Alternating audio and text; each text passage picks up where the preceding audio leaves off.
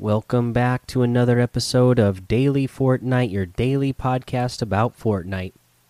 I'm your host, Mikey, aka Mike Daddy, aka Magnificent Mikey. And here's some cool news. This is from the Fortnite Twitter saying thank you to everyone who attended and created content around the Travis Scott event over 27.7 million unique players in game participated live 45.8 million times across the five events to create a truly astronomical experience. That is amazing. So like I said, I know that there was people in our own Discord that went to all five events. Uh, you know, just even though it was the same thing every time, they just thought it was so cool. They wanted to be there for each one. Uh, we know that there was over 12 million for the for the first the first showing, but the fact that we had over 27.7 million players go in game over the 3 days over the 5 events, that is amazing. That tells you that not only did people go back and watch it, because they tell you how many times here people watched it live in game, but they're not, you know, they're not lying about the numbers. They're telling you how many unique players came in game to watch this, and that tells you that people heard about the first showing and said, "Hey, uh, you know, if they didn't catch it, they're like, I gotta go, I gotta go check, I gotta go check this out. Uh, I heard this thing is really cool. I'm gonna go check it out. I myself, I listened to this other podcast. Uh, it's a gaming podcast called DLC, and uh, you know, there was guys on there like, you know what? I don't even play Fortnite, but uh, I had to get in the game and check it out just because I heard there was this really cool, uh, you know, in-game concert that is happening. So same kind of thing. Uh, just a word of mouth about how cool this event was. That people who don't even play the game were like, "Hey, you know what?" Uh, especially right now, where you know we can't go to live concerts.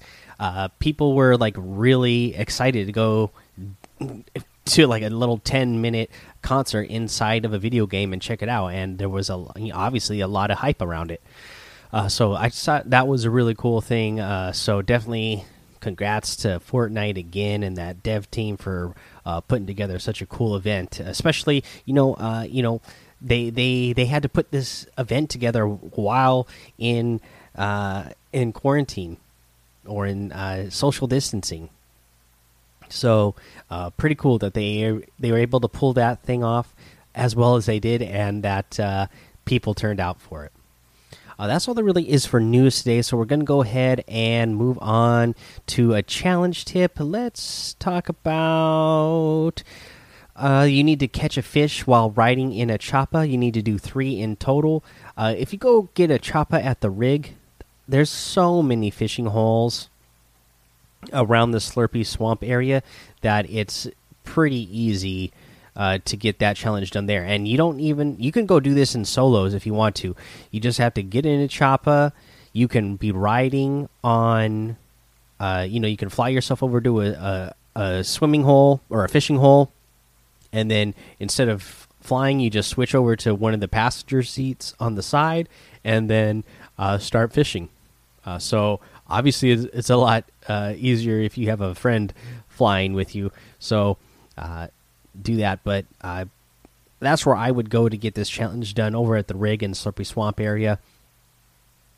Otherwise, uh, you know, if you go to the Shark, obviously that's a good spot. A lot of fishing holes around there, and then a lot, uh, you know, some really good fishing holes. There's always a ton of fishing holes in E1 and D1. That island over there, you can easily, you know, get the choppa over at the shark or the yacht and then fly over there and uh, there's always like 10 fishing holes like around that you know around the island and along the beach shore there there's always a ton there all right let's go ahead and take a break here we'll come back we'll go over the item shop and our tip of the day all right, let's go over the item shop today. And as I suspected, all that Travis Scott stuff is gone. So uh, you know, hopefully you you were able to save up V Bucks during that time period and were able to get it. And then again, uh, you know, don't be too upset about it because you know it will probably come back at some point. Might be a long time, and it might not come back very often, but I'm sure we will see those items in the item shop uh, one day. But what we do have in here is the Luminos outfit with the Lunar Light backbling for 1,500. I've already, I've always really liked this one a lot.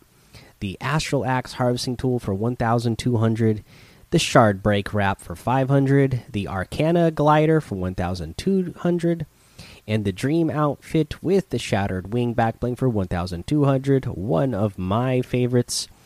Uh, we have the Dark Tricera Ops outfit with the Dark Hatchling back bling for 1200, the Dark Rex outfit with the Dark Scaly back bling for 1200, and the Dark Dino Bones harvesting tool for 800.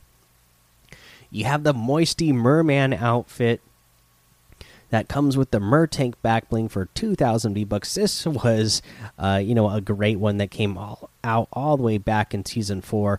Uh, th this guy's, uh, you know, I've always thought that he was pretty cool. Uh, let's see here. We have the whiteout outfit that comes with the ignition backbling for 1,500. This one's one of my favorites.